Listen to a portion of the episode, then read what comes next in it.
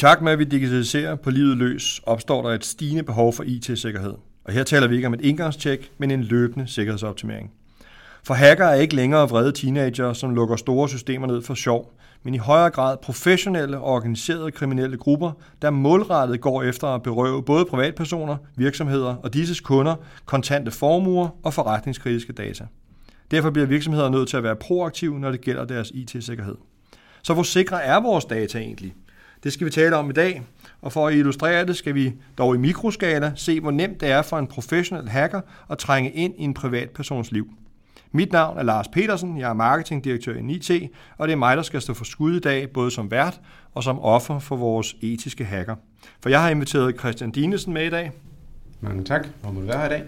Og du er jo, som det hedder så smukt, en etisk hacker. Altså, du er en af de gode, og har i NNIT titlen som senior sikkerhedsarkitekt. Og i morges, der brugte du, Christian, en time sammen med en bærbar computer og en telefon, og det var altså ikke min bærbare computer eller min telefon, øh, for at se, hvor mange oplysninger du kunne få fat i omkring mig.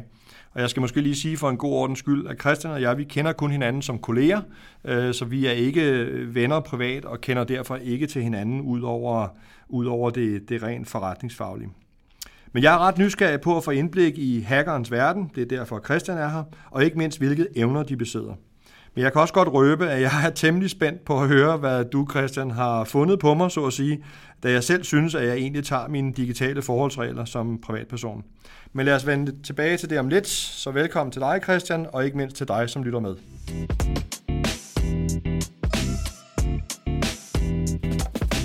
Der har i de senere år været eksempler på alvorlige hackerangreb på virksomheder, som til dels har lagt dem ned. Ondsindet hacking kan også bruges til afpresning, det som kaldes ransomware. I sommeren 2017 blev Mærsk blandt andet udsat for et hackerangreb, som de selv anslår til kostede dem i nabolaget af 1,5 milliard kroner. Og det var blot en af de virksomheder, som var meget åbne omkring, hvad der var hent. Men det er nok i høj grad et område, som er ramt af en del mørketal. Så Christian, over til dig. Kan du ikke starte med kort at rise op, hvorfor cyberkriminalitet udfordrer organisationers IT-systemer og sikkerhed i dag? Først og fremmest handler det omkring, at de cyberkriminelle har en interesse i at sørge for at skaffe sig nogle penge, eller som vi ser andre gange, have en politisk agenda, de ønsker at påvirke. Så de er meget motiveret. Hvis vi kigger på det tidligere, så handlede det meget omkring, at man havde fame, altså kredit for at hacke en hjemmeside, hvorimod det er et helt andre ting, der driver de kriminelle i dag. Men Christian, du er jo en såkaldt etisk hacker. Hvad, hvad betyder det egentlig? Jamen først og fremmest så har jeg en, ofte en holdning til ordet hacker. Jeg betragter ordet som hacker som noget positivt. Men når man kigger på ordet, så nævner det for folk, at man er en etisk hacker, så bliver det ofte associeret med noget dårligt. Hmm. Men hvis vi skal prøve at dele det op, så kan der det, der hedder white hat hacker, grey hat hacker og black hat hacker hvor man associationen går til, til det vilde vesten, når man enten havde en sort hat på, eller en hvid hat på, når man var god. Og dem, der så lå i midten, det er jo så dem, der er, er grey hat. White hat hackerne, det er, der er folk, der er ansat og har lov til at udføre hackning øh, og lave øh, det samme som black hats, der gør det for at opnå noget økonomisk eller politisk fordel, hvor de grey hat hacker, det er dem, der opererer midt imellem. Spændende. Øh, nu har du ikke taget hat på i dag, Christian, så, men jeg, jeg tror dig på, at du er ikke en af the bad guys, specielt når vi skal rive mig lidt rundt i manesen lidt senere her. Nej, det vigtigste er jo også, når man arbejder med det her, man ikke kan sørge for at gå over på den anden side. Øh, hvis vi kigger på, på eksempler, så var der her for år tilbage det store WannaCry, øh, hvor rigtig mange virksomheder blev ramt af det her ransomware eller disruptionware, der, der ramte virkelig mange virksomheder rundt om i verden. Der var en person, der, der stoppede det her. Han blev udkaldt til at være internettets held, fordi han med, med et enkelt opkøb af en, af en domæneadresse faktisk stoppede det her kæmpe ransomware-angreb i at sprede sig. Det viste sig så, at han, da han havde været yngre, så havde han været lidt på, på den forkerte side. Meget, meget grå, tæt på det sorte, og blev så anklaget, da han rejste ind i USA. Så det er meget vigtigt, når man arbejder med det her, arbejder med, med hackning, at man, man holder sig på den rigtige side af loven. Man skal have styr på farvekoderne. Det er korrekt. Tak, Christian.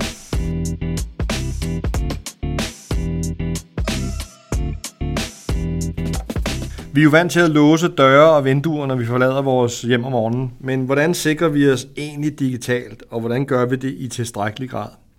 Som jeg har nævnt et par gange, så har vi et lille eksperiment i dag, øh, og der har vi jo sat dig, Christian, til at se, hvor mange opløsninger du kunne finde på, på mig.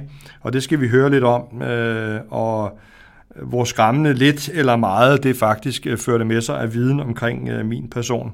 Og jeg synes jo nok selv, at jeg er sådan den, den gennemsnitlige digitale forbruger. Øh, jeg er lidt på LinkedIn, jeg er lidt på Twitter, jeg har også en Facebook-profil, men den ikke bruges øh, så, så meget. Jeg er lidt på øh, Instagram og på Snapchat af hensyn til mine fire børn, da jeg også godt vil se dem lidt. Øh, jeg har, Facebook, jeg har Netflix-abonnementer og andet, øh, så jeg bevæger mig rundt digitalt, og synes egentlig generelt, jeg er opmærksom på, hvordan jeg skal gebærde mig, og hvordan jeg kan beskytte mine data derude. Men øh, Christian, skal vi ikke gå til sagen og sige, hvad, hvad, hvad har du fundet på mig? Jo, men jeg tror, det vigtige, det at understrege her, det er jo netop, hvad enten man er privatperson som dig, Lars, eller som virksomhed, så er det jo, når tingene først er lagt op, og de er, er derude, så, så forsvinder de ikke igen. Og karakteriserende for nogle af de ting, jeg har fundet, er det jo netop nok, det er noget, der er blevet lagt der for længe siden, og relationer, som, som er skabt, som, hvor man ved at bruge dem kan finde frem til informationer. Mm. Når man sidder og laver sådan en, et, et eksperiment som det her, så er det jo det vigtigste, det er at få, få de her data points, det man finder bekræftet. Fordi at da jeg startede, så er det jo dit navn.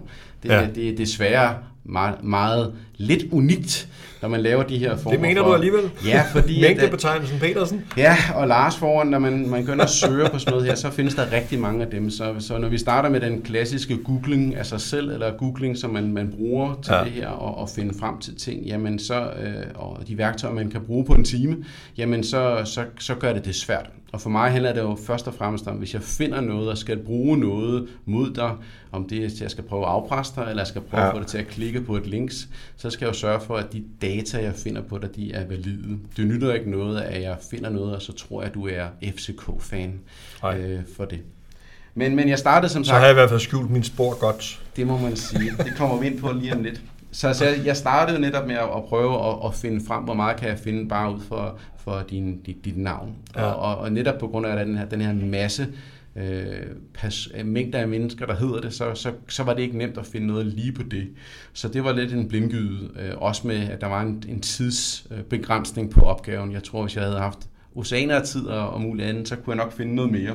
Men jeg gik ja, du var begrænset til kun at bruge en time. Ja, og der har jeg faktisk kun brugt. Ja, lige præcis. Så, så jeg startede med at netop, som du var inde på, at kigge på LinkedIn. Øh, det, er jo, det er jo det sted, hvor man, specielt i din situation som, som marketingmand, er, har en social presence. Og, ja. og der, der fandt jeg så nogle e-mails på din, på din uh, LinkedIn-profil. Både en, en firma-e-mail, og så selvfølgelig også en privat e-mail. Så der eksponerer du allerede dig selv for, for hackerne. Det, uh, jeg, jeg har været inde på forskellige sites, hvor man kan betale penge for at, at gøre det. Jeg brugte 30 sekunder på, altså slå din private e-mail op. Mm. De, de, der er nogen, der simpelthen har en forretning ud af at slå private e-mails op.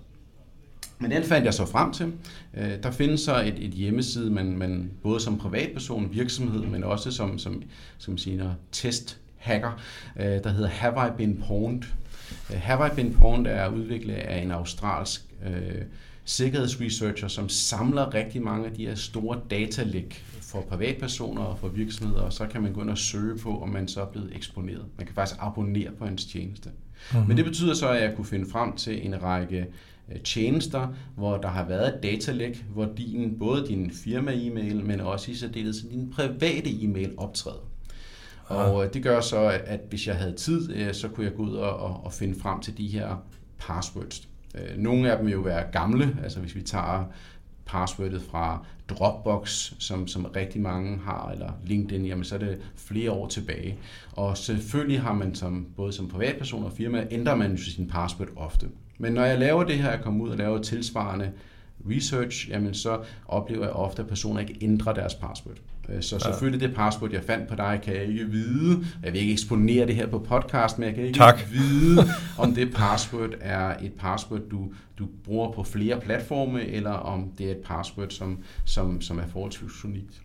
Jeg kan så godt fortælle vores lyttere, at du har vist mig det pågældende password på en lille gul seddel her i studiet, og jeg kan bekræfte, at det er et øh, password, som er mig ikke helt ubekendt. Nej, fra, fra datiden. Fra datiden, og så ja. kan man sige, det, det ledte mig så også videre til, kan man sige, nogle, nogle andre passwords, hvor at jeg kiggede på dem, og, og ud fra passwordet, som var, var sådan et, et, et, et OK password, det var opfyldt de kriterier, man mange gange skal have med kompleksitet, men, men bare ud for at kigge på passwordet, jamen så kunne jeg se, der var en metodik i din måde at lave passwords på. Ah. Og igen, uden at skal afsløre for meget, så kan jeg så sige, jamen det vil kunne lede mig frem til at, at kunne gætte med ret stor sandsynlighed, hvad for et password du har på et givet tidspunkt. Ja. Så, så, så nu kan man sige, i hvert fald nu vil jeg jo så som privatperson forsøge at overtale dig til at, at, at informere mig om noget. For der har vi haft det her, der har ramt det, specielt det danske marked, men også generelt, at der er en masse scammers, altså kriminelle, der vil have folk til at betale penge ved at sige, nu har jeg dit password. Ja. Og så sender de passwordet til, til, til, til dig og siger, nu kender jeg det her password, jeg havde på, på lappen, og fordi jeg har det, så skal du betale mig nogle penge. Og det er jo netop også noget, hvis jeg så, så ikke automatiserer det, men, men kigger lidt med, lidt, med et menneske øh, ned på det her password, der kunne have brugt det. Ja. Men, men din, din profil var jo, som du selv nævnte, Twitter, og der er du, der, det var også derfor, jeg lavede lidt den her spøg med, med at jeg nok ikke skulle sende dig noget omkring øh, FCK. Det var, at du meget, meget øh, kan man sige, øh, nævner noget omkring Brøndby. Og der kan man også sige, når man kigger på, på, din, på din, ned af din, din, din ting, du har, har tagget, jamen der har du været, synes jeg, været rigtig god til at, at køre enten noget ud, som var noget fra noget firmarelateret, eller Brøndby. Der er meget lidt... Øh, øh, privat på det. Der var dog en enkelt undtagelse, som jeg kunne finde frem, hvor jeg, hvor jeg fandt noget, hvor i hvert fald jeg kunne, kunne bruge et, privat, et, et enkelt privat billede, som jeg så kunne have brugt til noget, hvor jeg brugte det billede til at, at Google-searche og referere til, og så sige, jamen det var faktisk et familiemedlem, du var med på den her profil. Så igen, det, det, det der med, jeg var inde på i starten med at få lavet data points bekræftelse, var med til at sørge for omkring det. Interessant. Jeg kunne jo ikke finde dig på krak nemt, så det var jo i hvert fald også øh, lidt sværere. Men jeg begyndte at kigge på, på, på den her private e-mail, jamen der fandt jeg så frem til, at du havde registreret dig til et event på et tidspunkt med adressen. Okay. Så lige pludselig, at, øh, så, så, så fik, fik jeg du koblet de data? Jeg koblet igennem. Men jeg kunne stadigvæk ikke bekræfte Lars Petersen. Der er mange, der hedder Lars Petersen, om, om det her det var. Der var så et B, Lars B, så jeg var sådan rimelig sikker på, at det, må, det måske var dig. Ja. Men skulle så have bekræftet det her, om, om det var dig. Og, og kigger så, slår jeg så adressen op, din, din, den her adresse, jeg så fandt frem til, om den, den så, så gav noget. Og igen, jamen det var, det var meget svært for mig at finde noget, der bekræftede dig på adressen. Igen positivt godt arbejde. Du har, har, har bekæmpet nogle af de, de, de umiddelbare cyberkriminelle. Men når jeg sådan begyndte, så var der jo andre, du bor jo ikke alene på den her adresse, så der Nej. var nogle andre mennesker på den her adresse, som jeg så begyndte at, at grave ind i. Der var jo så et telefonnummer på den her adresse, associeret med den her, fordi der er nogle firmaer, der var på den her adresse. Correct. Og de telefonnumre begyndte jeg så at slå op i. Det her telefonnummer gav mig nogle adresser, øh, hjemmesider, jeg kiggede ind på, og kunne så begynde at, at, leve frem, at finde frem til, det for, formentlig var, var noget, noget samlev eller noget andet, jeg kunne, kunne gøre. Ja. Og øh, så kunne jeg så lede mig videre til at bekræfte, jamen der var så nogle, nogle, en hjemmeside, en, en uh, Facebook-profil, hvor at, at der uh, var nævnt, og så var du tagget. Altså det vil sige, at, at uh, du var, det er ikke din private Facebook, men du var tagget i nogle, i nogle uh, hændelser på den her nogle billeder, som så bekræftede mig den her person, jeg nu finder frem til. Og det åbnede så op for en, for en masse flere ting, hvor jeg så begyndte at gøre det. Og det er jo netop også et eksempel på, hvor, hvor at, at vi finder nogle informationer, og så leder de os videre til noget andet, og så på den måde kommer det ind. Ja, så ubagt, at jeg egentlig har forsøgt at tage vare på, på en, en vis grad af åbenhed omkring mig selv, så på grund af andre, der er koblet til mig, så kan jeg faktisk få en, en, en, en indgang ind der til, til mine data eller min situation. Det er korrekt, og det er jo netop de her informationer, de ting, jeg skulle bruge til, hvis jeg nu skulle lave noget afpresning eller skulle sørge for at gøre nogle ting. Så på den vej ja. kom jeg ind og kunne finde nogle familienavne og nogle andre ting på den her profil. Der var en gammel profil, nogle af dataerne var, var, var, var, var af ældre dato, men igen, jeg fik bekræftet de her uh, data points, jeg var på vej. Uh, jeg var ude og lede efter. det, er jo, det er jo også mange gange det, der sker, når vi ser nogle af de, de store data øh, brud, der har været, hvor det har været en underleverandør. Vi så Target, som blev ramt. Øh, det var en, ikke Target, der blev ramt, men det var simpelthen en underleverandør til dem, som, hvor de cyberkriminelle kom ind den vej igennem. Så det er netop det her med, både som privatperson, så skal man beskytte sig, men man ved jo ikke, hvem er, der tagger en, eller hvem der, der sender øh, nogle informationer til andre. Men, men også hvis man har sin, sin virksomhed, jamen hvem er det så, der, der lægger informationer og det understreger i virkeligheden også kompleksiteten i en virksomheds tilgang til, hvordan man skal arbejde med, med cybersikkerhed i dag, når, når det ikke bare er ens øh, nærmiljø, der er afgørende, men også alle de, øh, de partner, man har. Øh, Christian, vi har talt om, at du i den time, du brugte her til morgen, kun havde en, øh, en PC og en telefon øh, til rådighed. Bruger du andre værktøjer for at finde frem til de ting, du har fundet? Jamen generelt kan man sige, når man, når man laver de her, og, og vi får dem som opgave, så har vi nogle, nogle værktøjer, både sådan nogle open source værktøjer, men i særdeles også nogle, nogle kommersielle værktøjer, hvor vi, vi scanner efter ting. Og det kan være scanne netop principielt simple Google-søgninger, som jeg har lavet, men også gå ud og, og scanne på, på the dark web, og så sige, jamen findes der noget der? Øh, der findes værktøjer til at, at, at scanne der, ja. Okay. Ja, det skal vi ikke offentliggøre i dag på, øh, på podcast. Det mener jeg ikke, vi er parate til, men, øh, men, men tak. Øh, du har allerede været lidt inde på øh, de informationer, som du har fundet på mig i det her tilfælde, hvordan de eventuelt kunne anvendes. Kan du, kan du uddybe det lidt mere omkring... Øh,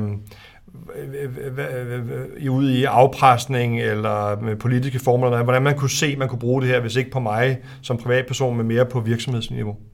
Jo, men generelt, det man, man bruger det til, er jo, når, når man skal sende de her øh, ofte links, som man skal nogen til at klikke på, så er det jo vigtigt, at, at som, som cyberkriminel, at, at modtageren klikker på dem.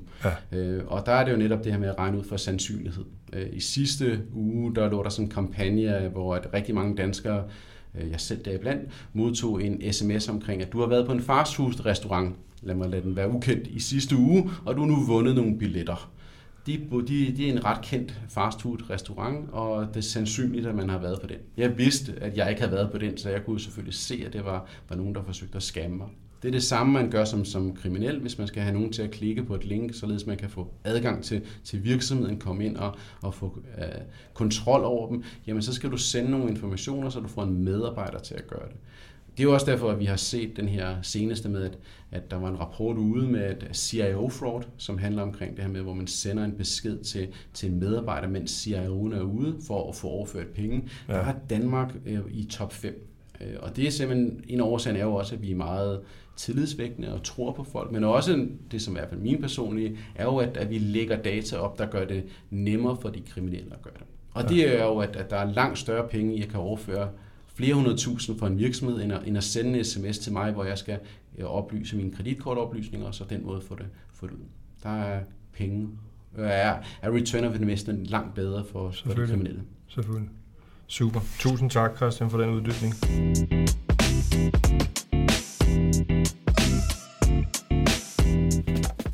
Nu har vi været igennem nogle øh, konkrete eksempler på, hvad, hvad du, Christian, på kun én time har kunnet finde frem til omkring mig. Og noget af det, må jeg sige, øh, var i virkeligheden en, en lille smule skræmmende, øh, hvis du spørger mig. Øh, men hvordan kan vi tage vores forholdsregler, så vi undgår at gøre det nemt for, for de hacker af øh, forkert farve hat, kan man sige, at finde de her følsomme øh, informationer? Og Christian, du er den oplagte mand at spørge på det. Så hvilke råd kan du komme med, som man både som organisation og som privatperson kan undgå at få hacket sine oplysninger? Først og fremmest så er det nogle gange at få det her realitetstjek. Hvad findes der derude? Når jeg er ude og, og snakker med folk og viser dem deres eksisterende password og få det ændret, altså lige så meget at få lavet en baseline. Ja. Som virksomhed kan man få gjort det på mange måder, men det er lige så meget, hvad, hvad ved de kriminelle? Hvad for nogle data ligger derude?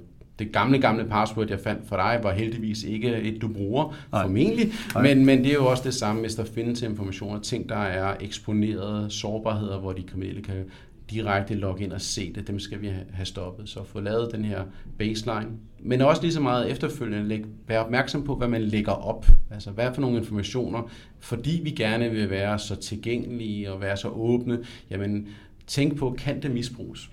Og mange gange, som jeg lever efter, at sende disinformation. Altså, det kunne være skægt at se dig, Lars, fortælle nogle omkring FCK. Ja. Så vil folk tro det. Ej, det er et dårligt eksempel, men det er mange gange det her med, at man ikke skal lægge information ud, som kan misbruges. Så hvis man sender disinformation ud, jamen så, så gør man de her data points, som jeg skal lede efter, svære. Og mange gange, som du var inde på det her med spørgsmål, vi etiske hacker og de kriminelle bruger jo værktøjer, automatiserede værktøjer. Og de er jo ligesom min her en, en times test, baseret på, at, at det er rigtigt. Og hvis du så lige pludselig hele tiden uh, sender disinformation ud, jamen så kan du ikke få det bekræftet, og så kan de ikke bruge det. Nej.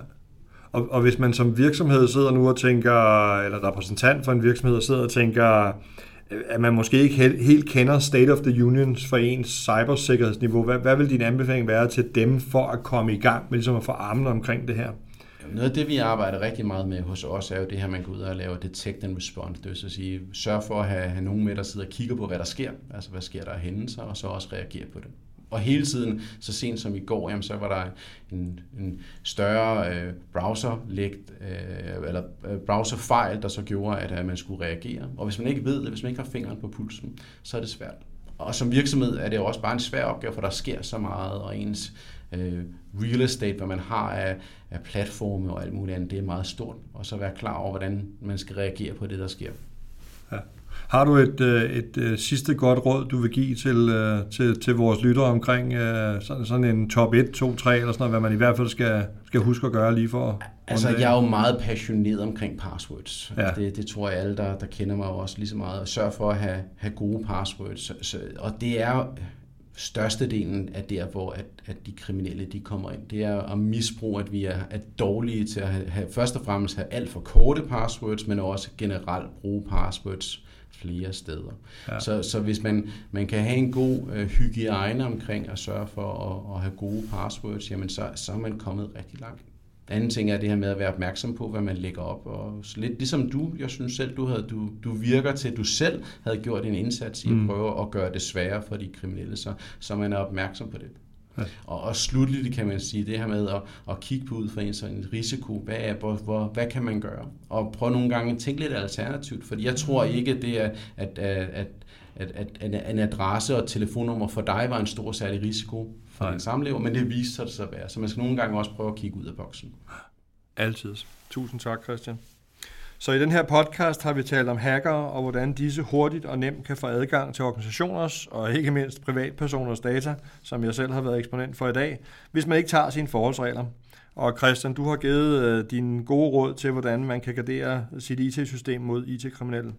Hvis du som lytter er interesseret i at vide mere om hacking og IT-sikkerhed generelt, er du meget velkommen til at finde enten øh, Christian Dinesen på LinkedIn, eller mig, Lars Petersen, øh, samme sted, eller i en IT's univers.